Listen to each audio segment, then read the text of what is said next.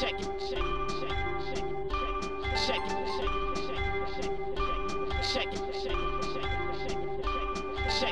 Zapraszamy na kolejny odcinek podcastu Codrive.pl, a w nim Toto podkreśla, że Lewis Hamilton nie ma wpływu na wybór drugiego kierowcy. Czy aby na pewno? Mówimy także o zmniejszających się szansach George'a Russella na fotel w Mercedesie. Robert Kubica zapowiada, że zdradzi plany na swoją przyszłość, ale dopiero we wrześniu, po Le Mans. Pomówimy o niezbyt ciekawym wyścigu w Styrii, a także o chaosie w Mercedesie, który cały czas trwa. Lewis Hamilton apeluje, aby cały czas rozwijać tegoroczny bolid. Mercedes gubi się w zeznaniach. Ponownie wrócimy do George'a Russella, który zaprzyjaźnia się z Williamsem, a także zwrócimy uwagę na ciężką sytuację Alfa Romeo. Christian Horner wyśmiewa dyrektywy techniczne, ale rozumie, że to jest część walki w Formule 1. Michael Massey tłumaczy się z plotek dotyczących incydentu w pitlane Walteriego Bottasa. Zapowiadamy zbliżające się Grand Prix Austrii, które miejmy nadzieję będzie ciekawsze od ostatniego wyścigu na Red Bull Ringu. A na koniec słów kilka o Mistrzostwach Polski w Rallycrossie. Zapraszamy!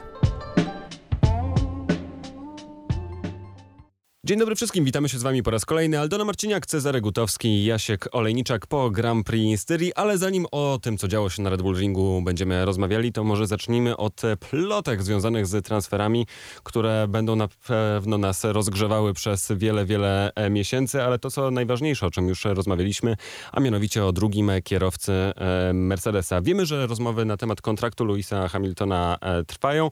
Szczegółów oczywiście na pewno nie poznamy, ale Daily Mail donosi o tym, że wszystko idzie dobrze i wygląda na to, że będzie uzgodnione przed przerwą letnią. Tożsamość informatora jest nieznana, ale sam Toto Wolf o rozmowach na temat kontraktu z Lewisem Hamiltonem mówi w ten sposób. Nigdy nie rozmawialiśmy o preferencjach lub na temat składów. To nigdy nie jest coś, co jest częścią myślenia Luisa. Rozmowy są dość spokojne, bo wszystko idzie dobrze. Nie ma żadnych przeszkód. Potwierdzenie wszystkiego to coś, co trwa kilka dni dłużej, ale rozmowy idą dobrze. Co do wyboru drugiego kierowcy mówi jeszcze, że narodowość nigdy nie grała roli. Jesteśmy międzynarodową firmą, działamy globalnie i chcemy wybierać najlepszych kierowców. Co to oznacza dla Walteriego i George'a? Trudno zgadnąć, mówiąc szczerze.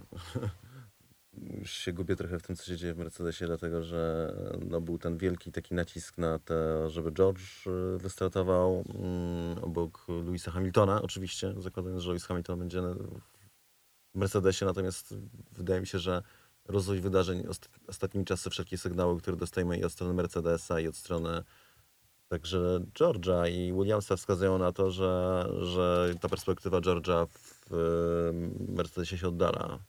E, jakby kluczem, punktem wyjścia jest to, że Lewis Hamilton ma ponoć już podpisać lada dzień, że już nie podpisał kontrakt z Mercedesem. Yy, oczywiście to twierdzenie, że Lewis Hamilton, że go nie obchodzi, kto będzie jeździł w samochodzie, bo kto sobie można między bajki włożyć, to jest oczywiście bzdura. I to widać nawet po, i, i po reakcjach, i no, po, po, sobie wypowiedzi Luisa.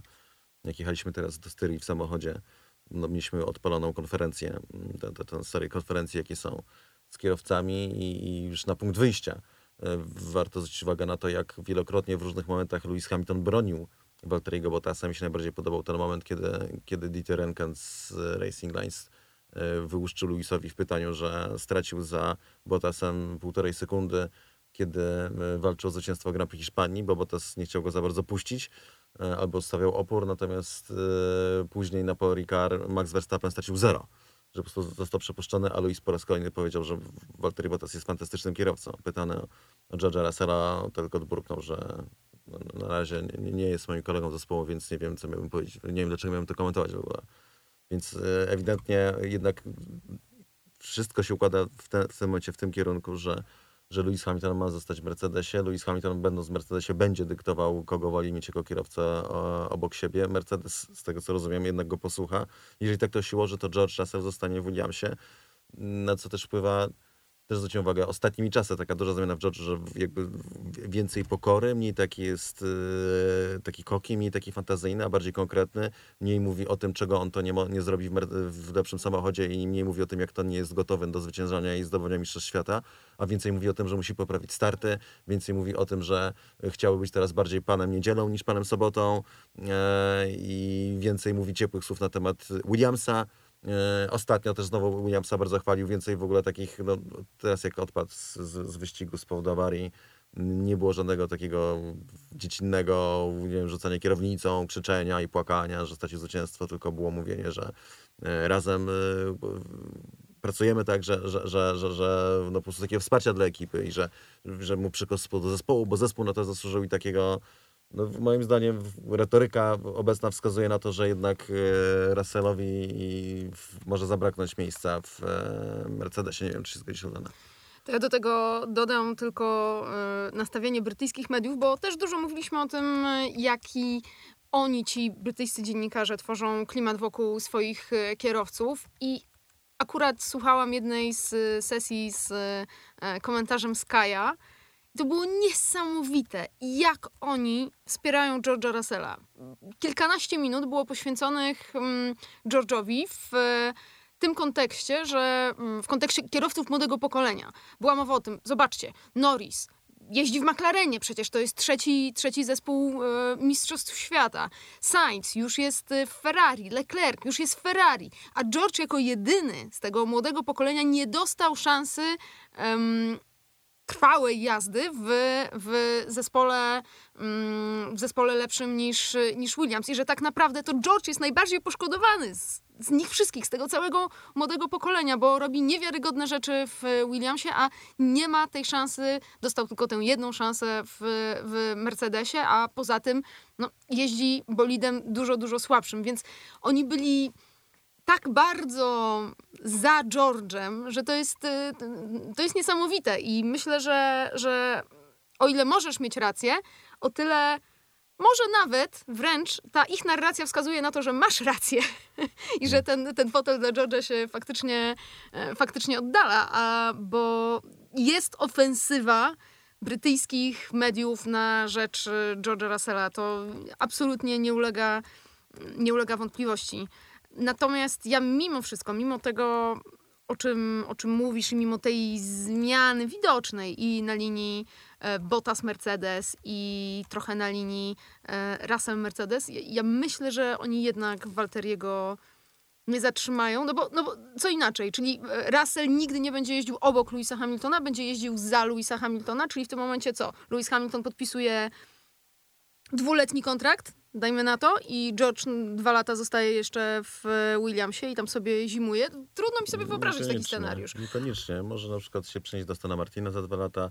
E, Znaczy, ja zdaję sobie sprawę, że tutaj wcześniej, wcześniej żeśmy niemal już ogłosili w ogóle, że, że George Russell przejdzie do Mercedesa, to się wydawało nieuniknione. Ale wiesz, taki był Natomiast- klimat. No, no, taki jest klimat.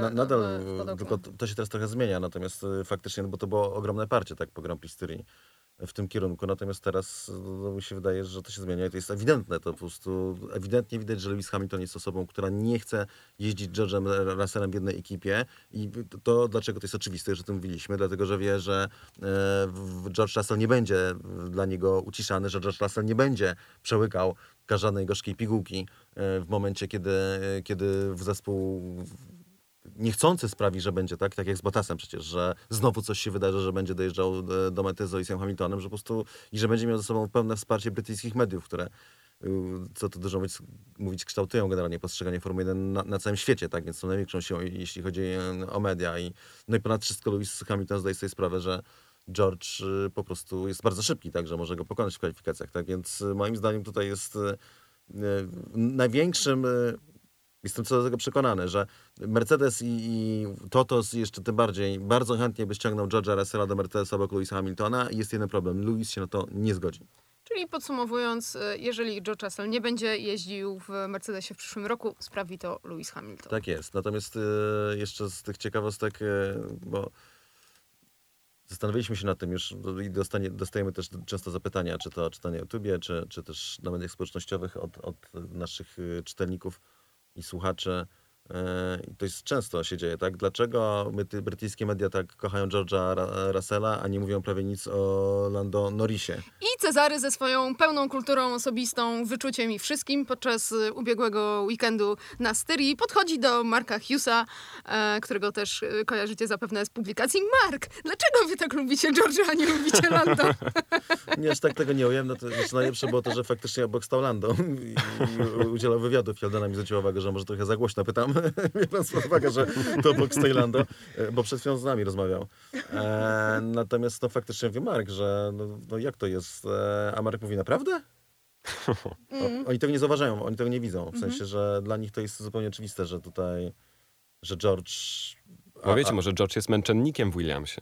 No, To jest myślę, że taki polski tak jest. akcent. ale myślę też, że jest trochę, e, że jest też trochę, no, no tutaj to Mark mówił, no być może, no to, to dlatego, że tutaj jest takie po, pożądanie, żeby poszedł do Mercedesa, że to, przy czym przyznał to, to, to, to, co żeśmy też mówili tutaj i na, i na tym podcaście i, we fanvlogach, to też było mówione gdzieś na, w okolicach Styrii, że od tej pory brytyjskie media nie odpuszczą i będą forsowały George'a do, do Mercedesa. I to mniej więcej potwierdził właśnie Mark y, w tym momencie. Znaczy to i tak jest potwierdzone, bo to widać, natomiast to już większego potwierdzenia niż brytyjski dziennikarz, e, który nie ujął tego sensu stricte, ale generalnie taki był sens jego wypowiedzi, też na to wskazuje, tak, że to jest ten wielki push medialny brytyjskich mediów, żeby George'a wstawić do Mercedesa. Natomiast ja cały czas uważam, że jest jeszcze coś takiego, że mm, Lando nie jest taki, znaczy z nim się fajnie gada generalnie i nie jest nieprzyjazny, ale nie jest takim dyplomatą, że tak to ujmę, jak George, po prostu nie rozgrywa tego w ten sposób. No i jeszcze raz, London jest w połowie Belgiem. Uważam, że to ma też duże znaczenie i sami Brytyjczycy tego nie przyznają, oni sami tego być może tak nie postrzegają, bo oni...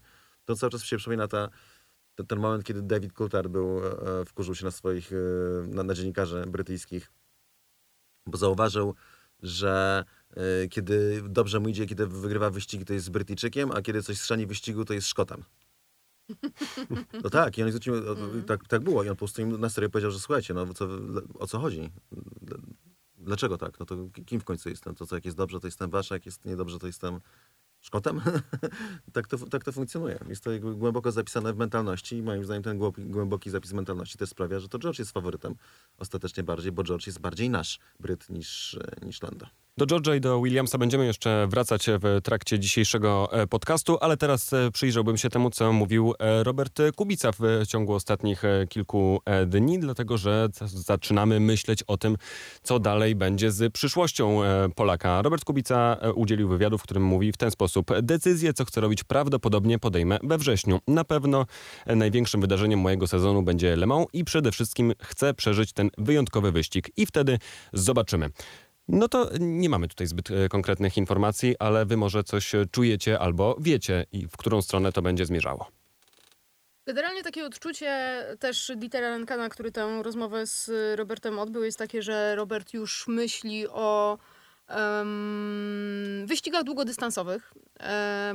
Sam też Robert w tym, w tym wywiadzie mówi o tym, że to, co się będzie e, działo później, nowa, nowa, nowy typ e, samochodów, e, wchodzą jeszcze kolejni producenci, że to jest na pewno, na pewno ciekawe i taki tylko mówię, to już jest wniosek y, Dietera, że Robert chociaż cały czas pojawia się w bolidzie Formuły 1 na e, treningach czy, czy, czy, czy na testach, no to już o karierze w Formule 1 nie myśli.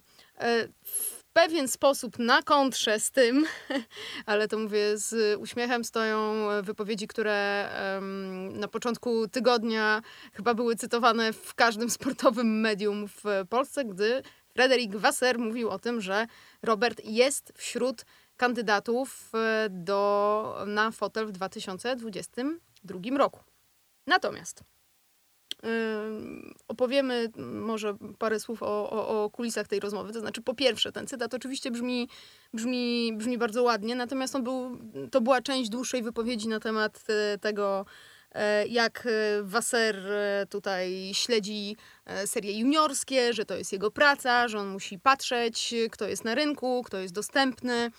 E, I po prostu na pytanie, czy, czy Robert jest e, w tym gronie rozważanym, odpowiedział, że tak, że jest częścią teamu, e, że jego feedback jest bardzo, e, bardzo ważny i że będzie jeszcze z nami w kilku sesjach treningowych. No i to wszystko fajnie brzmi, tylko że to jest wywiad z Portugalii, więc te kilka sesji treningowych też już od tamtego momentu e, się odbyło, bo jeździł Robert i w Hiszpanii i teraz w, e, w Austrii i też no, obawiam się, że jest to odpowiedź taka raczej kurtuazyjna niż e, wskazująca na faktyczną możliwość. Cezary, jak ty uważasz? Też wydaje mi się, że to jest tak trochę rzucone i wydaje mi się, że to trochę ukłon być może w stronę partnera zespołu, w stronie Rob- Roberta, natomiast no ty mówisz, że Dieter, Dieter ci powiedział, że jego zdaniem Robert y, to już szuka przyszłości w tych Nie, nie, nie, Dieter tak napisał. A, napisał, a okej, okej. No to Omówił tak ten, ten, tę swoją rozmowę z Robertem. to wątpię, jest jego żeby rozumiał po polsku, ale gdyby nas posłuchał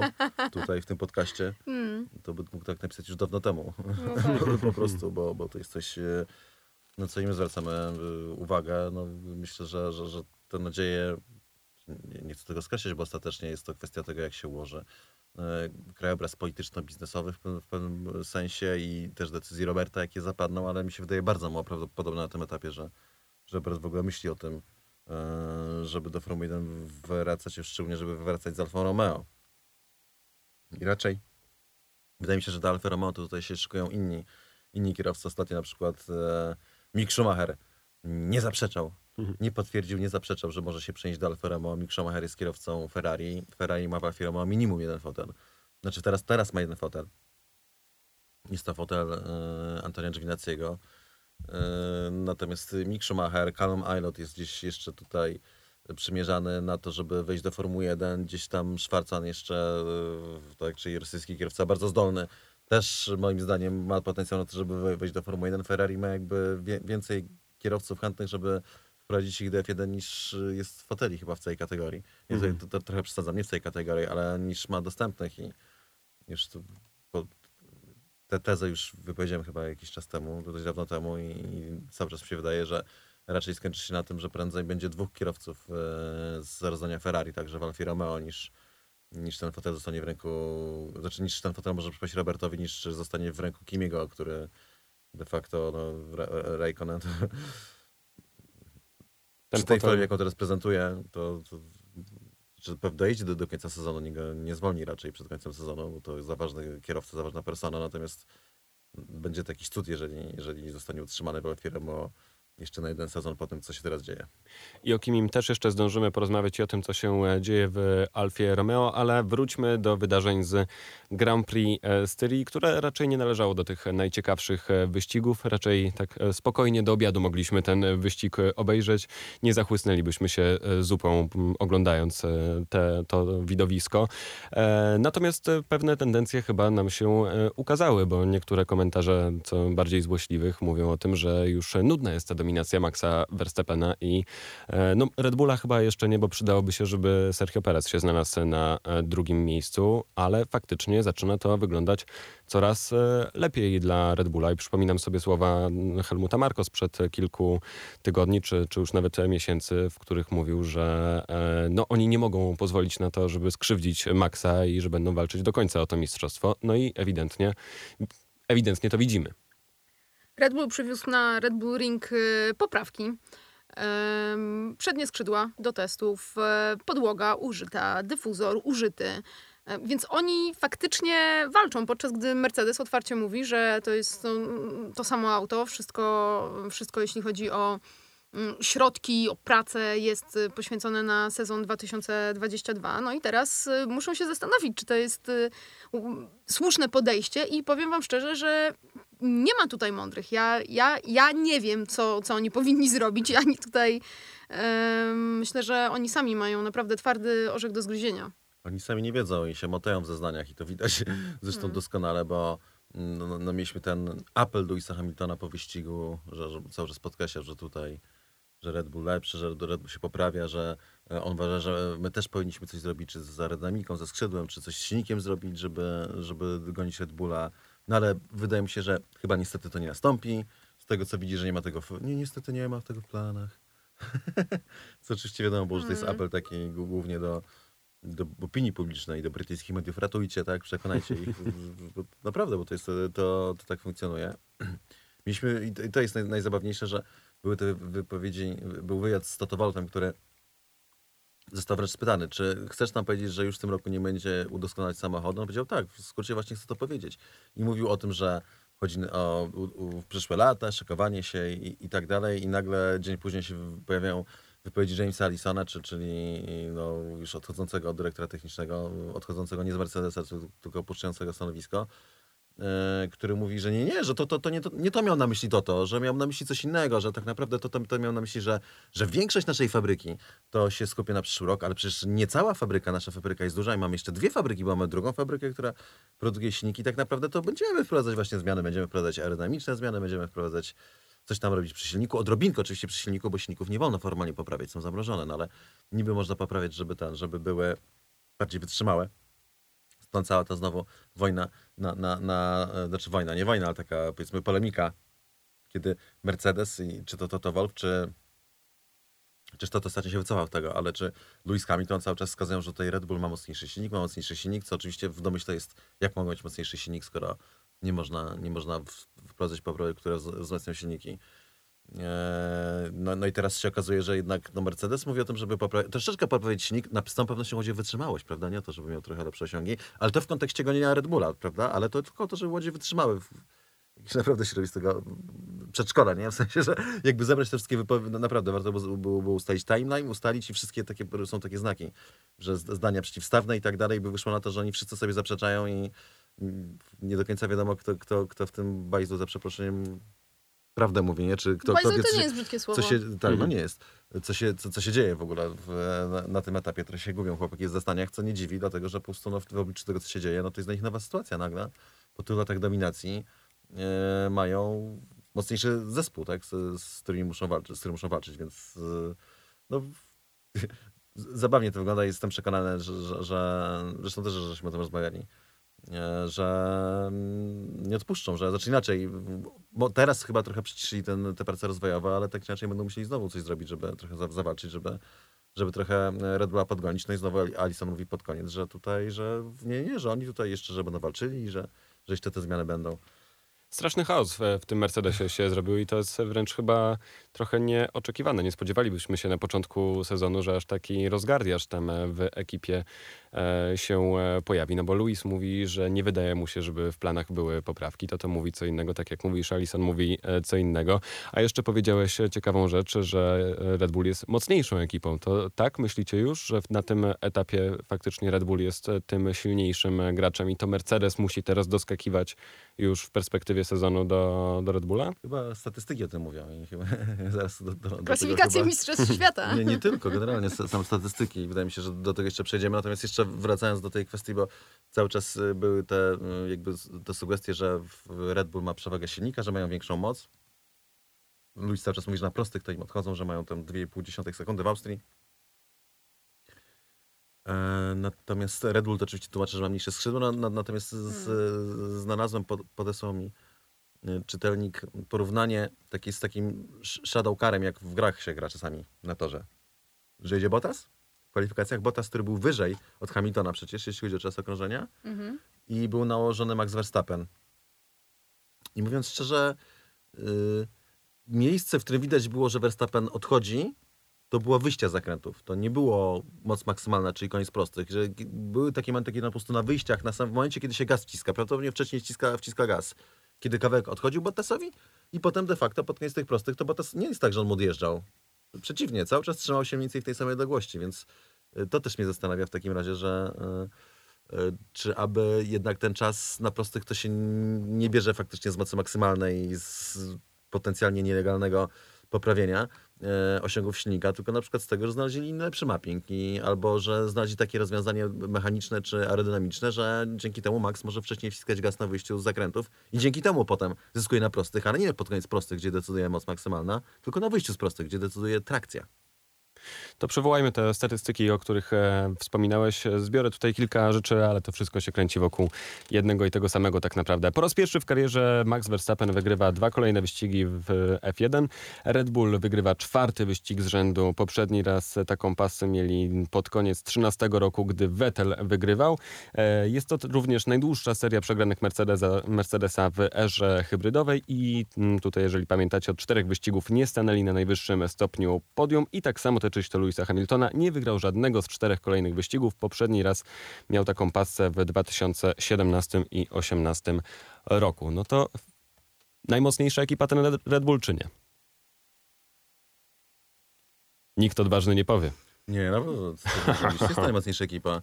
Statystyki to wyraźnie pokazują. Z całą pewnością najmocniejsza w trybie kwalifikacyjnym i teraz w Austrii wyścigowym. To to, to Wolf powiedział wyraźnie, że po raz pierwszy e, od 8 lat, tak to to ujął to, to jechaliśmy wyścigu, w którym nie mieliśmy szans wygrać, tak? Kiedy, w którym tempo było, nie było wystarczające, żeby móc walczyć o zwycięstwo.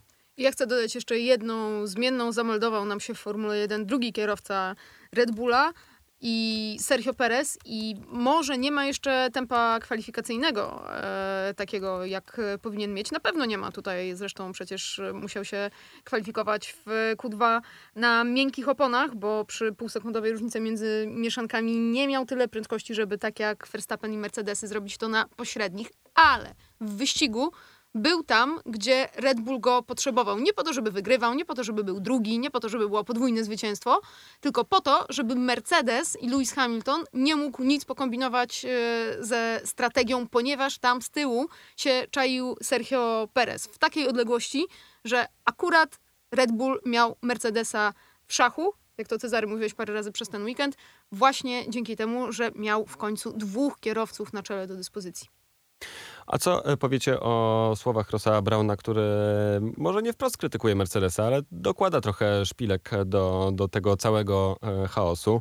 E, Ross Brown komentuje sytuację w Mercedesie i mówi tak. Czasami wygrywasz wyścigi, których nie powinieneś wygrać, czasami nie wygrywasz wyścigów, które powinieneś wygrać. Na początku roku można było odnieść wrażenie, że Red Bull, który był bardzo zgrabną ekipą, trochę się pomylił, ale teraz znów są na wysokich obrotach.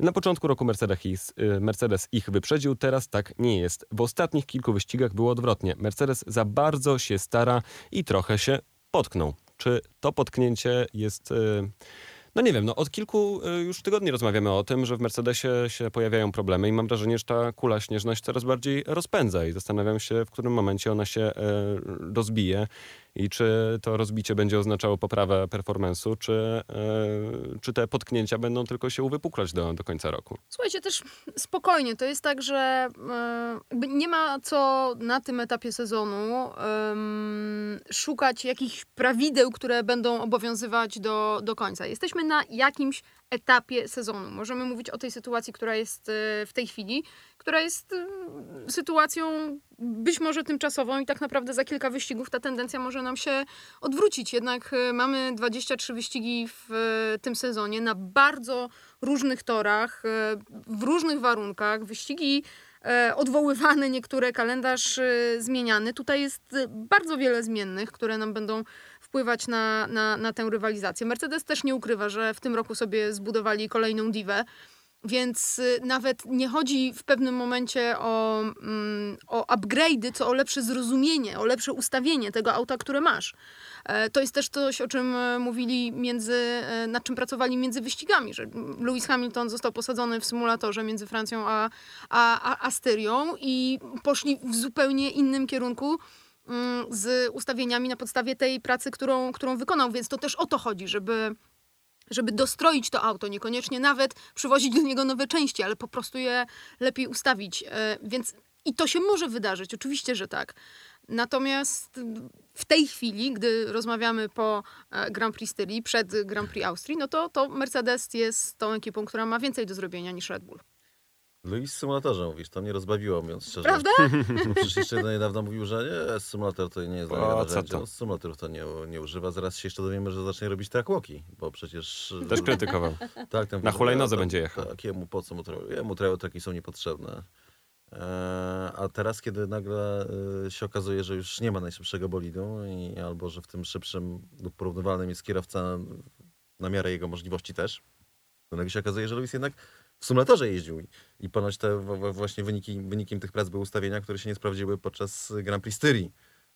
Jak ten świat się zmienia, prawda? Szybko. Punkt widzenia za- zależy od punktu siedzenia. Słuchaj, e, Kimi też siedzi w symulatorze. To Wasser mówił, Czego? także Tych, tych okularów są takie okulary, nie? Które pokazują, się świat virtual reality. A to Tak. nie, to nie potrzebuje okularów do tego, żeby... Ale wiecie, to też jest dobry sposób na trening. Naprawdę na dobrym sprzęcie można nie najgorzej się wkręcić, przynajmniej w domowym zaciszu. Nie wiem jak ta Formule 1, nie jeździłem nigdy. E, Ale wróćmy do e, George'a Russella jeszcze na moment, który tak jak e, zauważyliście e, zmienia się również i e, ciekawe z czego te zmiany wynikają, ale wygląda też na to, że w Williamsie zaczyna mu się robić coraz cieplej, bo i wyniki coraz lepsze, to i coraz wygodniej się e, siedzi w tym e, bolidzie. Na pewno warto warto pochwalić go za cały ten e, weekend, ale też e, w bardzo pozytywnych słowach mówi o swoim zespole. Konsekwentnie uczymy się coraz więcej, tydzień po tygodniu i nie chodzi tylko o to, co statystycznie sprawia, że samochód jest najszybszy. Chodzi o to, co jest najbardziej korzystne dla opon, co daje e, mi najwięcej pewności siebie, co wszystko razem może dać mi najlepszy wynik. I myślę, że w ostatnich wyścigach poszliśmy w nieco innym kierunku. Musimy wypróbować go na innym torze. Wygląda to nieco bardziej obiecująco. Myślę, że być może w ostatnich kilku wyścigach wszystko układało się niewiarygodnie dobrze i wszystko było naprawdę dobrze zgrane, a my prawdopodobnie wykorzystaliśmy błędy innych ludzi. Musimy więc osiągnąć doskonałość i mieć nadzieję, że inni tego nie robią. Ale mimo to po 11 w kwalifikacjach mieliśmy dobry wyścig w zeszłym tygodniu we Francji. Dzisiaj bylibyśmy w punktach. To mówił po wyścigu oczywiście e, w Styrii. Cała kondycja Williamsa wygląda faktycznie coraz bardziej, no nie wiem czy imponująco, ale dobrze. George Russell też e, nagle z tygodnia na tydzień zaczyna nam się zmieniać z e, rządnego Mercedesa w dojrzałego e, kierowcę. No i jak ta sytuacja George'a w Williamsie będzie się zmieniać w tym e, sezonie? No bo oni zapowiadają, że przyszły rok może być dla nich bardzo dobrym e, sezonem, ale no tutaj też cały czas się rozpędzają i no chyba prze powinno przestać nas to zaskakiwać i powinniśmy już być niedoczekani trochę tych punktów w pierwszej dziesiątce. No jeśli chodzi o przyszły rok, to każdy zespół ma pełne prawo pójść i zapowiedzieć się, że będzie lepszy w przyszłym roku, a w 3 czwarte można nawet zaryzykować stwierdzenie, że będą walczyć o Mistrzostwo Świata. Czemu nie? Jest takie przetasowanie, nikt nie wie, co się wydarzy, więc tutaj każdy może być taki, taki odważny. Natomiast no, te pierwsze punkty faktycznie coraz dłużej na nie czekamy. Tutaj trzeba, trzeba tutaj zaznaczyć rzeczywiście, y, no, George faktycznie jechał świetny wyścig, znaczy świetny wyścig. No, nie przegrał startu, co, co, co, co już na dzień dobry jest dużym postępem w, w wypadku George'a. E, Co prawda nic nie zyskał na starcie e, sam, natomiast no, po, e, po, tej, po tym incydencie między, mi- między Gaslim a, a Leclerciem nadrobił dwie pozycje, a potem niestety, potem niestety mm, awaria, awaria samochodu. Faktycznie te punkty były jakoś zasięgło, więc, więc no, no, kolejny taki pechowy wyścig, natomiast trzeba też dodać, że że było sporo wyścigów, w których samochód działał, tak, tylko, tylko kierowca nie zadziałał. Ja, ja trzymam, trzymam, trzymam kciuki za George'a bardzo mocno. Właśnie teraz widzę naprawdę dużą zmianę w jego, w jego postawie. Zastanawiam się, wydaje mi się, że to jest taka postawa, na którą jakby spłynęła, spłynęło błogosławieństwo pokory.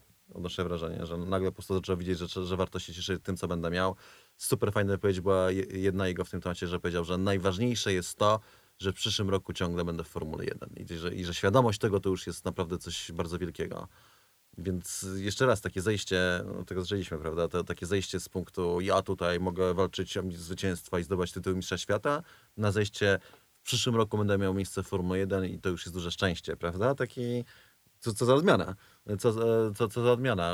Wydaje mi się, że w słusznym kierunku. No ja sądzę, że ostatecznie George, znaczy na teraz, myślę, że to się jeszcze będzie rozgrywało, że będzie zależało od tego, jaka będzie forma Bottasa, ale na dziś wydaje mi się, że Bottas ma potężne plecy w postaci Lewisa Hamiltona, żeby zostać w Mercedesie po prostu i tego tylko będzie w tym Mercedesie trzymało. Ja widziałam dzisiaj, Louis ćwiczył plecy, więc one naprawdę się robią coraz większe. Dziś chyba Mhm. wrzucił na Instagramie. No. No tak, więc, więc te plecy tylko rosną, co tu dużo mówić, tylko stają się coraz mocniejsze. Eee, I George chyba, no jeżeli zaczynam mówić o tym, że już nie mówię o tym, że jest najlepszym, tak, potencjalnie najlepszym kierowcą świata, tylko że dobrze by było zacząć dobrze startować na przykład, tak, to, to powiedział poprzednio, po poprzednim wyścigu, czy właśnie, że dobrze by było generalnie lepiej sobie radzić w niedzielę, a nie tylko w sobotę. Eee, No i teraz to znowu te stwierdzenia, że że Williams to jest, że wszystko robimy dobrze, że wszystko jest bardzo dobrze, no to wszystko wskazuje na to, że on jednak yy, raczej... Że wszystko jest bardzo dobrze. Tak, nie, że nie, że przyjmuje, że jednak, że, że na dziś jednak status jest, jest taki, że, że, że ta fala niosąca go do Mercedesa zaczyna opadać, a Williams, myślę, radzi sobie dobrze, nie? I teraz to jest inna rzecz w ogóle, że Williams naprawdę świetnie jechał w tym wyścigu. Pomogło im to oczywiście, że, że nie było wiatru i typ toru, natomiast mm, no, z początek sezonu na to nie wskazywał i mamy teraz taką sytuację, w której Williams moim zdaniem jest y, od dołu trzecim najlepszym zespołem. No najgorszy jest Haas, drugim najgorszym zespołem jest Alfa Romeo, która naprawdę jest w ciężkiej sytuacji no i już tam, nie wiem, te dowcipy i uśmiech i ta pogoda ducha Frederica Wassera już y, no, no, Nie robią magii. Tak, tak, nie robią magii. Ale chociaż ostatnio, jak- jak byliśmy w padoku, to y, jakby spotykali się w FIA y, szefowie ekip i zebrali się pod tym budynkiem FIA i e, atmosfera była szampańska i stał Wasser i podszedł do niego Ginter Steiner. Jeszcze ktoś obok nich stał. Nie wiem, czy nie Mikis przy, przy nich nie stał, potem gdzieś nie poszedł. Czyli w zasadzie d- no, ludzie Ferrari wszystko, tylko dwaj szefów, szefowie dwóch ekip, które są od Ferrari uzależnionych. No i oczywiście jedna z głównych postaci Ferrari. E, I patrzę, a ten, a Fred Wasser zaczyna podskakiwać, e, żeby trącić mikrofon e, Netflixa, żeby nie nagrywali, o czym mówi z Ginterem Steinerem. Wygłupiał się oczywiście i potem zaciągnął, wziął Gintera za ten i odeszli na boki sobie coś tam gadali, żeby tylko ten mikrofon nie kręcił. O czym mówił, mówią i znowu się wygłupiał, kręcił tego, w ogóle wygibasy robił Fred Wasser, taki wesołek z niego. Oj, będzie co oglądać na Netflixie. Zawsze miło jest popodglądać e, to, co dzieje się w padoku, ale e, przyjrzyjmy się Alfie Romeo, dlatego że oni e, widzą te problemy, a przynajmniej Xavier Pucholar z Alfa Romeo przyznaje o tym, że będą musieli popracować nad swoją kondycją. W tym tygodniu spróbujemy z Kimim kilku rzeczy i zobaczymy, czy uda nam się wprowadzić go do Q2. Mając oba samochody w Q2, myślę, że to pomaga nam nawzajem i możemy robić postępy.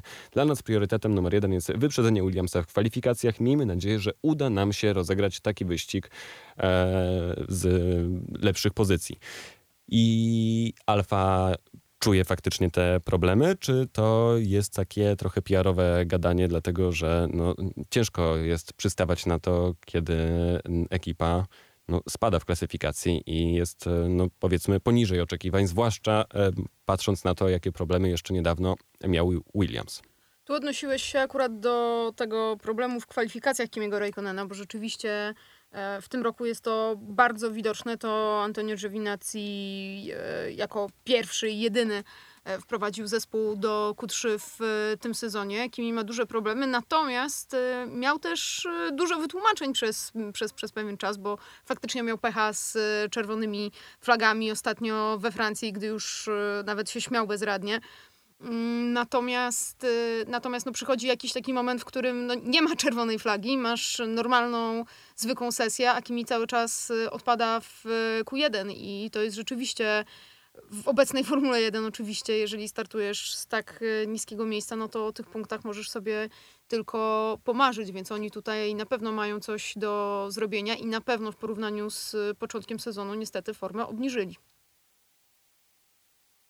To tyle, jeżeli chodzi o Alfa Romeo w takim razie i zamknijmy epizod e, nazywany Grand Prix e, Styrii propsami i disami. Kto dzisiaj zaczyna? Ty chyba. To ja w takim razie zaczynam od e, propsów i dużo jest osób do propsowania, ale ja za regularność punktuję po raz kolejny Lando Norrisa. Mój ulubieniec niech e, ma ten punkt. Po raz kolejny jest w top 5 regularnie, najlepszy z reszty, zresztą chyba po raz piąty w tym sezonie jest najlepszym kierowcą poza tym duetem Mercedes-Red Bull, więc jak najbardziej za regularność i, i za swoją jazdę należy mu się ten props. To niespodzianka była. Prawda? dobrze. też uważam, że Lando no, po prostu No, ale nie możesz. Nie, nie, ja rozumiem, nie, nie, nie, nie nominuję, ja mówię tylko, że tak, że, że też uważam. To ja daję propsy dla George'a Russella, dlatego że y, nie przegrał na starcie, jechał mocny wyścig po punkty, y, a jego reakcja na to, że tych punktów nie zdobył, była tak dojrzała y, i tak męska, mówiąc w skrócie po prostu, że, że strasznie mi to zaimponowało i z, za to, jak się zachował w tej całej sytuacji, no po prostu jeden wielki props. No powiem wam, że nie mam komu dać tego propsa, ale e, nie, dam, e, dam Fernando Alonso, ponieważ e, kolejne mocne kwalifikacje, kolejny raz w Q3, kolejny raz szybszy od Estebana Ocona i do tego punkty, więc myślę, że mm, Hiszpan jedzie na tyle, na ile Alpin pozwala, o ile wcześniej miał problemy, Grand Prix Monaco było oczywiście tutaj takim no, gigantycznym dołkiem, o tyle teraz nie mam mu już nic do zarzucenia. To przejdźmy do disów. Ja się e, uwezmę na kierowców McLarena i z kolei zdisuję Daniela Ricardo, który naprawdę mm, martwiące jest to jego, jego performance w tym sezonie i zaczynam się zastanawiać, na ile to są problemy jego dogadania się z bolidem, na ile to McLaren mu trochę nie pomaga w odnalezieniu się w aucie. A, a na ile to może auto jest na tyle nerwowe jak zeszłoroczny Red Bull i Daniel nie jest w stanie sobie e, poradzić z tym wyzwaniem.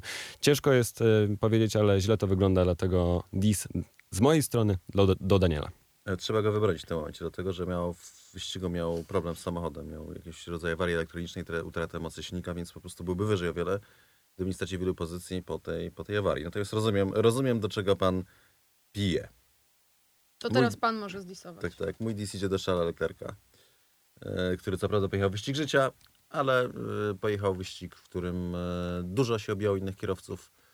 Mm, Nie zawsze z własnej winy, natomiast był jeden, jeden moment, kiedy wjechał w auto, w bolid Piera Gasly, uszkodził mu tylne koło mm, na prostej, w sposób no moim zdaniem taki, który nie powinien być dopuszczalny, bo tam nie, nie było żadnych zakrętów, nie było żadnych ataków, po prostu, po prostu no, źle wycyrklował. Jak to tłumaczył Leclerc sam, że on chciał do prawej odbić yy, Gasly do lewej, co żeby tutaj i że ra, naraz taki zbieg okoliczności, mi to do końca nie wystarcza. Miał duże szczęście ostatecznie, że nie dostał kary od sędziów. Nie, tłumaczyli to sędziowie w ten sposób, że to pierwsze okrążenie i tak dalej. Okej, jest to jakieś tam, ale ja uważam, że, że, że jednak kara mu się należała i, i no jestem, jestem rozczarowany postawą Szalda. A ja mam dwa disy, w sensie jeden, ale pod wspólnym hasłem i pod tym samym hasłem jeszcze nagrodę specjalną, taką słodko, Wow. słodko-gorzką. Tak. Otóż, moi drodzy, moje disy idą do Walteriego Bottasa i Maxa Verstappena. I teraz już wiecie za co. Wiecie? Nie. Wspólny mianownik Maxa Verstappena i Walteriego Bottasa w ten weekend. Nie są Brytyjczykami. Też. Ale to nie ich wina. Spiny, moi drodzy. Spiny, spiny. Walteri Bottas... e, Spieli się? sp- tak. Słyszałem na dyskotece w sobotę. e, Potem miał limo y, Max Verstappen. Myślę, że- Więc, y, a, a wcześniej, przed tymi wydarzeniami, e, Valtteri Bottas obrócił się w pit lane e, i była to bardzo niebezpieczna sytuacja i nie wiem, czy będą jakieś reperkusje, czy na przykład e, będzie zabronione na, na, nagumowywanie sobie tego wyjazdu ze stanowiska serwisowego, bo to było genezą tego spina. A Nie, oni inaczej tłumaczyli. jak? No, że próbował, że ruszał na dwójce, żeby zobaczyć, jak będzie auto ruszowało, ruszało na dwójce, żeby właśnie, żeby nie było buksowania kół podczas wyjazdu ze stanowiska serwisowego i że go zaskoczyło to, jak nieźle auto wyszło. zareagowało, kiedy zaczął jechać trochę szybciej. Mm, No dobrze, no dobrze. Natomiast no, tak czy inaczej, sytuacja była, sytuacja była niebezpieczna. Walteri był zaskoczony tak ostrą, ostrą karą, natomiast, y, natomiast no, no nie. I Max Verstappen za swoją celebrację tuż po starcie, gdy inni jeszcze mają swój wyścig tutaj, polecam e, wygooglać sytuację z mm, wyścigu e, z Formuły Juniorskiej, gdy Mary na mm, polach startowych sobie, e, sobie chciał właśnie nagumować pola startowe, a z tyłu Nicolas Latifi jeszcze jechał i na, pełnej, na pełnym gazie, na pełnym gazie przyładował e, na prostej startowej w ten bolid wióry, poleciały. I jest to, no jest to niebezpieczne, wiadomo, mm, celebracje owszem, ale, ale, ale nie aż tak. I nagroda specjalna w związku ze spinami. To tu już dałeś dwa disy, jeszcze nagrodę specjalną? Tak, No dobra. ale też, ale pod, pod tym Ale samym... Pod, tak, i pod tym samym hasłem.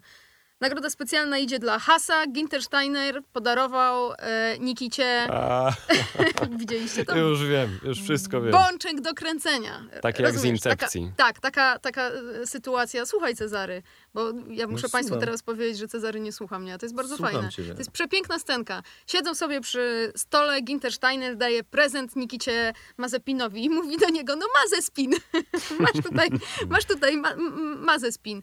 No i Nikita taki trochę um, Jak z- zakłopotany. zdezorientowany. Z kamerami przychodzili i nagrali, jak rozumiem. Taką Tak, tak, tak, tak. Ale słabej jakości, bo to telefonem to widzę.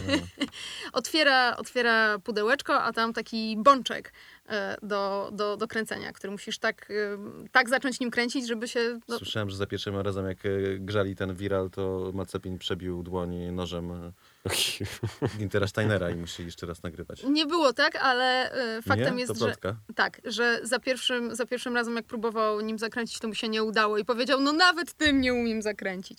Nikita Więc- dostał mazę spina. Tak, e, więc Ginter powiedział, że lepiej obracać to, niż obracać samochód. Ale dobrze, to e, disy zamknijmy, ale skoro wywołałaś już e, Bottasa i jego wpadkę w pitlane, to może o tej sytuacji jeszcze chwilę e, pomówmy, bo Michael Massey się do tego e, w, ustosunkował, w, dlatego że McLaren e, przekazywał do stewardów e, skargi w związku z tym I tak incydentem. było. Może ch- ch- chodziło o to, że wybuchła cała afera. Bottas się wkurzył, że tutaj oni zrobili wielką aferę, że inny zespół zrobił wielką aferę, żeby oczywiście zyskać taktycznie, tylko żeby, żeby on dostał karę oczywiście. E, I, I też chyba Toto Wolff się, tak, Toto Wolff się też na ten temat wypowiadał w takim podobnym tonie, no bo było, poszło weter i świat cały usłyszał i przeczytał o tym, że ludzie z McLarena już nie pamiętam, kto dokładnie wysłał ten komunikat, że ten, że tutaj, że to jest w ogóle żart i że, ogóle, że jak tak można. Przy czym miał rację, bo przecież to, ten spin w pitlane to była bardzo niebezpieczna sytuacja, nigdy nie powinien się wydarzyć, szczególnie w takiej sytuacji.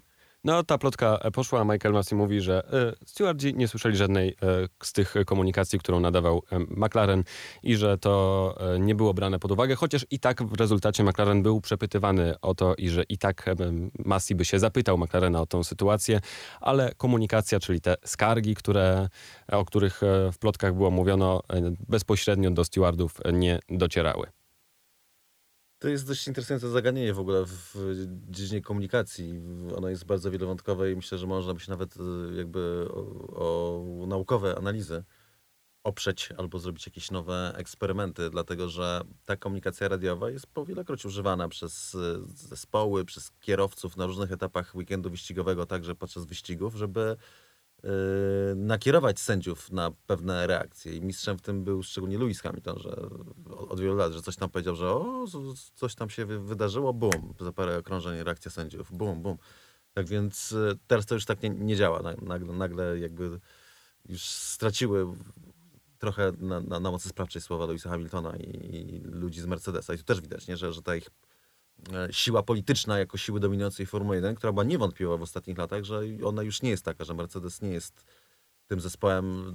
Trochę, mimo że minęło, minęło niewiele czasu, to ta sytuacja, kiedy, kiedy Toto Wolff nadaje do Massiego Majki, Majki, niebieskie flagi, to że Mercedes już nie jest na tej pozycji. To jest taki kolejny element y, słabnącej siły tego zespołu. Natomiast bez cienia wątpliwości ostatecznie takie komunikaty są wysyłane. Te, tymi komunikatami też starają się sterować czy zespoły, czy kierowcy sędziami, żeby coś tam podsunąć, do czegoś ich namówić po prostu i sędziowie mogą sobie mówić, że nie, nie, my tego nie słuchamy, my tego, to na nas nie działa, to jest oczywiście bzdura.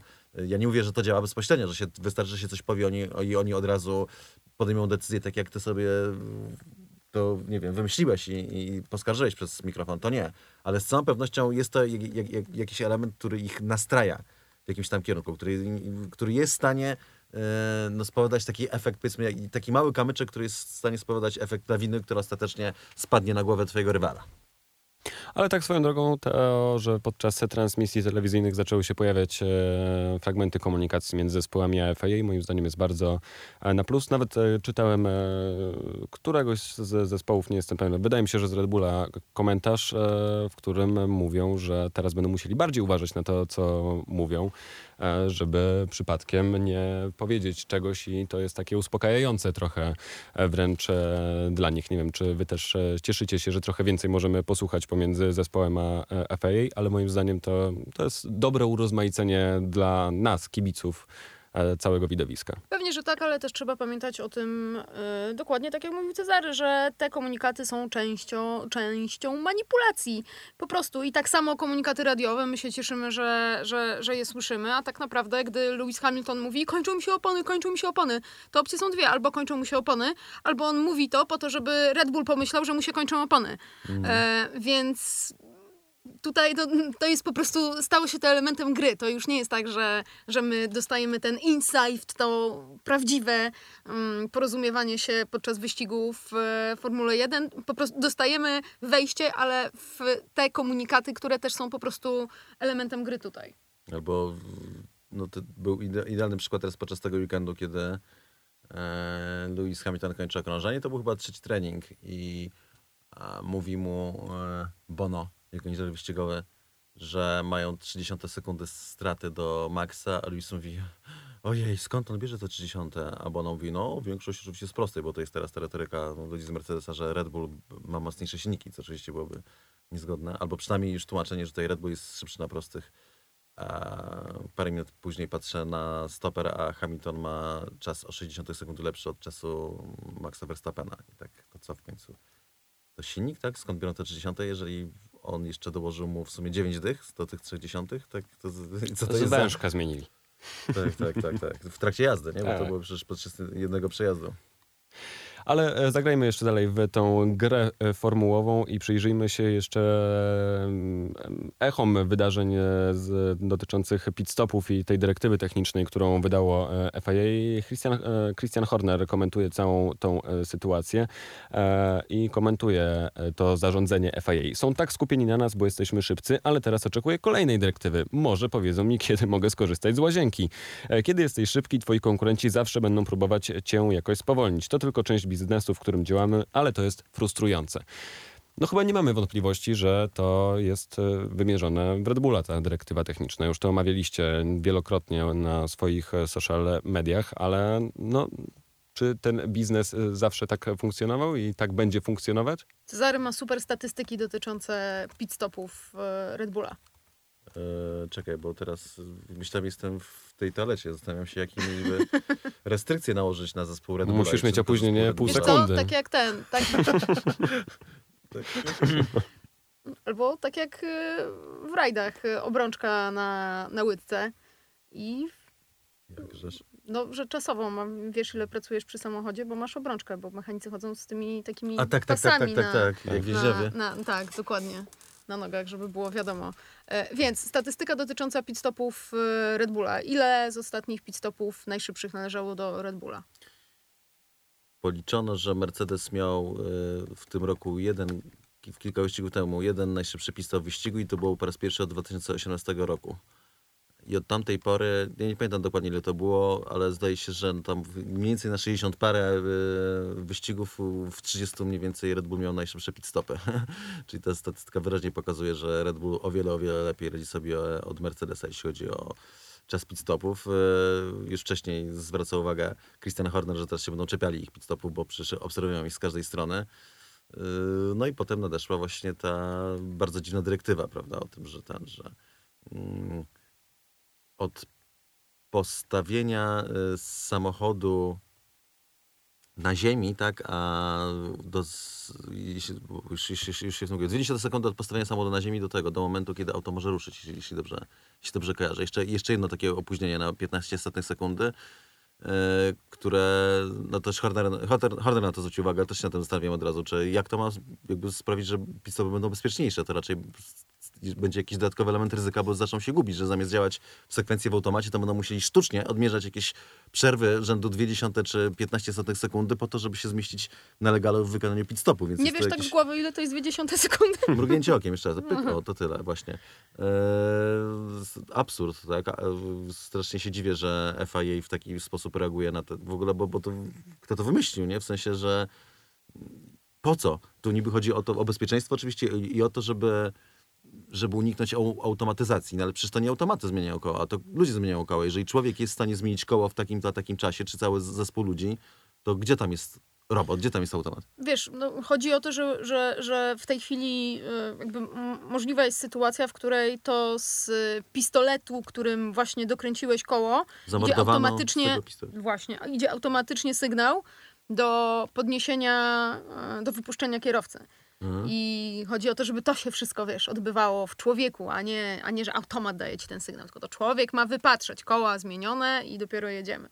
No ale no po co to? Te, te pit stopy poniżej dwóch sekund to jest, to jest, to jest tak piękny widok, to jest super. A jest Red Bull jeszcze fajne. tak A, właśnie, opracuje, a że i tak będzie to robił. A propos pit stopów, moi drodzy. Em, otóż, moi drodzy, we Włoszech lekarze odwiedzili, e, odwiedzili e, Ferrari, żeby zobaczyć, e, jak wygląda praca nad pit stopami i przełożyli tę wiedzę na to, jak pracują przy pacjencie podczas operacji. I jest taki ładny rysunek, w którym po prostu zamiast łóżka jest pacjent, a zamiast ludzi, którzy pracują przy, przy kołach, jest po prostu tutaj masz. Mechanicy. e, Tak, mechanicy, dokładnie. Tutaj masz e, monitor z e, funkcjami życiowymi, tu masz wentylator, tu masz e, anestezjologa, tutaj masz pielęgniarkę, tu masz drugą pielęgniarkę. A gdzie facet od Masz podnośnika? pompę. E, mm, a poczekaj, gdzieś zaraz znajdę. E, Jest dokładnie wyrysowane, którędy się porusza chirurg i zmniejszyło im to o 20% e, liczbę popełnianych błędów. E, Naprawdę? Niesamowite. Tak. Ale jakich błędów? W sensie, że no, u- amputowanie nie tej nogi? Czy, No wiesz, no, nie, nie, błędów technicznych i informacyjnych, komunikacyjnych. Komunikacyjnych i operacyjnych, takich w sensie nieoperacyjnych, w Czyli sensie teraz we skalpela. Włoszech robią ten, w dwie sekundy robią przeszczep serca. Y, t- y, tak, Z opóźnieniem pół sekundy. Aha. tak, to, to, y, to właśnie. E, Chyba tylko was oszukałam, że, że to było o, e, o Ferrari, natomiast, natomiast generalnie cała reszta się zgadza. Motosport dla e, medycyny i dla lekarzy. Cudowne, e, cudowny przedsionek do wejścia w Grand Prix Austrii, które już w najbliższy e, weekend. E, Nie powinniśmy się spodziewać wielkich e, zmian, aczkolwiek zmianą będą opony, które będą miększe w ten weekend i w tym bym poszukiwał nadziei do ciekawszego e, wyścigu, bo chociażby George Russell mówił o tym, że e, trochę się obawiają po pierwsze zmiennych warunków, a po drugie degradacji opon. Więc e, czy słuszne są to obawy? Słuszne, słuszne. Te opony się strasznie są już zdegradowane. Degrengolada oponiarska Hmm. nastąpiła w Formule 1. Obyczaje upadają. Softy mieszają się z mediumami. Deszczówki z intermediatami. Dobrze, że nie ze slikami. To, to, to moim zdaniem niedługo czekać, jak świat dojdzie do takiego punktu yy, wrzącego. Nie no, oczywiście wielka nadzieja w tym, że, że faktycznie te opony trochę przemieszają stawkę, ale też e, mm, powrót na ten sam tor to jest bardzo ważne dla wielu zespołów, choćby dla Daniela Ricardo, którego raczyłeś był zdisować przed chwilą. E, fakt, że będzie mógł e, weekend w weekend pojechać na tym samym torze i po prostu porównać dane, tak trochę przemyśleć sprawy, co się wydarzyło i na tym samym torze sprawdzić, co można zrobić lepiej, dlatego że to, jest, to się często, powtarza, że pytamy kierowców, jak tam poprawki, czy auto prowadzi się lepiej i oni, co prawda, oni mają tam jakieś pojęcie, y, czy jest trochę lepiej, czy nie jest trochę lepiej, ale to, co mówią jak w ramach pierwszej wymówki, to to, że y, a Robert był pierwszy w tym, kiedy startował, że no, to jest inny tor, inne miejsce, tak, i ciężko jest tak powiedzieć, y, czy coś zadziałało, kiedy przyjeżdżamy na inny tor. No to teraz nie, teraz po prostu będzie ten sam punkt referencyjny. Różnica opon oczywiście taka, że no, zejdą stopień na, na bardziej miękkie, co oznacza, że w zasadzie dwa rodzaje opon z tych, co już były używane ostatnio, to będą ciągle używane. Y, Czyli to będą e, softy i tak do, do, dobrze teraz to Tak. rozkminiam, softy, Softy i mediumy i, i mediumy będą e, używane, a po prostu w ramach teraz e, i te mediumy ze styli będą twardymi oponami na ten, na, w- Na Austrię? Austrię. To jest dość interesujące. Moim zdaniem Softy to może będą, softy będą pośrednimi, a dochodzi C5 jako najbardziej miękki. Mogą z tego wyjść dwa pit-stopy, no bo teraz oczywiście używało się w ten sposób że kto mógł, to jechał na mediumach, a potem na, na hardy, a kto nie mógł, to jechał na softach i potem na hardy. Tak zrobił na przykład Sergio Perez. Co prawda zjechał potem jeszcze na pit-stop oczywiście. E, Dobrze pamiętam, że to Perez zjechał na pit-stop, żeby... Chociaż nie, tak, zjechał na pit-stop drugi, jeśli dobrze pamiętam, a potem Bottas pod koniec zjechał na pit-stop, żeby ten, żeby... mm, żeby zrobić e, czas... Nie, Hamilton, przepraszam, Hamilton zrobił rekord okrążenia, tak, ale, ale Perez też mi się wydaje, że jechał na dwa pit-stopy. Mm, Natomiast z grubsza, no, strategia naj- najlepsza była taka, że zaczynamy na mediumach albo ewentualnie na softach i potem zjeżdżamy na tylko jeden pit stop. No to teraz wydaje się, że to też zmieni trochę strategię, natomiast wydaje mi się, że też trochę może przemieszać, że no, no bo to dużo zależy od tego, jakie są opony na, na samochodzie, od tego, jak, jak się prowadzi. I to być może, to będzie bardzo dobry e, też punkt doniesienia, żeby pokazać, jak się właśnie zmieniają, które rodzaje konkretnie opon bardziej sprzyjają któremu zespołowi, tak? Czyli jak potem będziemy widzieli, że Pirelli na dany wyścig wybrało takie i takie opony, to będziemy mogli sobie myśleć, a to znaczy, że chociaż nie wiem, czy oni już nie wybrali opon do końca sezonu w ogóle. Oni, oni zarezerwowali sobie możliwe zmiany, ale zdaje się, że już wstępny plan mają do końca sezonu. E, że, że będziemy mogli sobie wypatrzeć, że o, no jeżeli wzięli te, C, jeżeli biorą C1, C2, C3, to znaczy, że te, tutaj większe szanse będzie miał na przykład Ferrari niż McLaren. E, albo na odwrót. To się, to myślę, że wiele rzeczy się takiego objawi. Myślę, że no, tutaj trzeba patrzeć na Ferrari, na to, co się stanie w, ry, w rywalizacji z McLarenem, bo Lando Norris mocno się obawiał tego, co jest w stanie zrobić Ferrari, biorąc pod uwagę, jakie tam pomieli e, w wyścigu, pomimo pewnych przeszkód, jakie, jakie się w nim e, pojawiły. Tak więc, e, no, licz, tak jak w zeszłym roku wydawało mi się, że to absolutnie nic nie da i że to jest jakiś, no, no po prostu taki no, pic na wodę trochę. E, Byłem w błędzie, tak teraz liczę, że, że, że faktycznie, że tak jak i w zeszłym roku byłem w błędzie, taki, no, tak teraz się też, te, też nie pomylę i faktycznie to zmieni obraz trochę rywalizacji, ale nie jakoś dramatycznie, w sensie nie jest tak, że nagle Red Bull będzie walczył z Hasem, tylko, tylko raczej Mercedes na przykład, o, może podskoczyć do góry i może wygrać wyścig, na przykład. Uprzedziłeś moje pytanie, bo właśnie zastanawiam się, jak ta strata Mercedesa może. e, No właśnie, co w ogóle się wydarzy z tą stratą e, Mercedesa? Czy przez te kilka dni są w stanie na tyle przepracować to Grand Prix Styrii, żeby coś jeszcze wyciągnąć i być e, naprawdę blisko Red Bulla? Czy jednak to Red Bull, no bo przecież też będą pracowali, e, utrzyma tą przewagę i Red Bull Ring pozostanie zwycięski dla nich? Myślę, że jest duże pole do popisu, jeśli chodzi e, o zużycie opon. Mm, No w tym wyścigu ostatnim ewidentnie było tak, że tak jak poprzednio w Hiszpanii w- Red Bull no, ostatecznie przegrał z Mercedesem i to z Kretesem, dlatego że nie byli w stanie y, na tych samych kompletach opon dojechać do mety. Musieli jeszcze y, no, no, inaczej, w tym tempie tak nie byli w stanie dojechać. E, Tak teraz było trochę odwrotnie, nie aż tak skrajnie, ale jednak to Red Bull lepiej się trzymał na tych oponach, które miał założone, a Mercedesowi te opony się szybciej kończyły. Natomiast to znowu mówiliśmy o tych symulatorach Louisa Hamiltona i o tym, jak to ten poszedł w innym kierunku. Więc być może jak wrócą do normalności, to się okazać, że mm, i po zmianie mieszanek, że jednak to że Mercedes będzie miał ostatecznie w wyścigu lepsze tempo. Plus, ale nie, kwalifikacje mi się wydaje, że ten, że absolutnie będą dla Red Bulla. Jedyne, co się może zmienić tutaj, to właśnie tak kwestie strategiczne i kwestie tego, jak się będą trzymały opony w wyścigu. I to jest ten czynnik, który może przechylić szale zwycięstwa tym razem na stronę Mercedesa, dajmy na to, e, albo przewagę w, w, bardziej w kierunku Ferrari niż McLarena. Miejmy nadzieję, że Grand Prix Styrii było jedynie przed smakiem i rozgrzewką przed prawdziwym ściganiem na Red Bull Ringu i że Grand Prix Austrii będzie ciekawszym widowiskiem niż e, to mieliśmy szansę doświadczyć w ostatni weekend. A teraz na koniec mamy jeszcze jednego propsa specjalnego, Cezary dla Jaśka. A, Naszego oczywiście. finalisty Tak, tak, tak, naszego, no, znaczy przecież. Fina, a potem listy.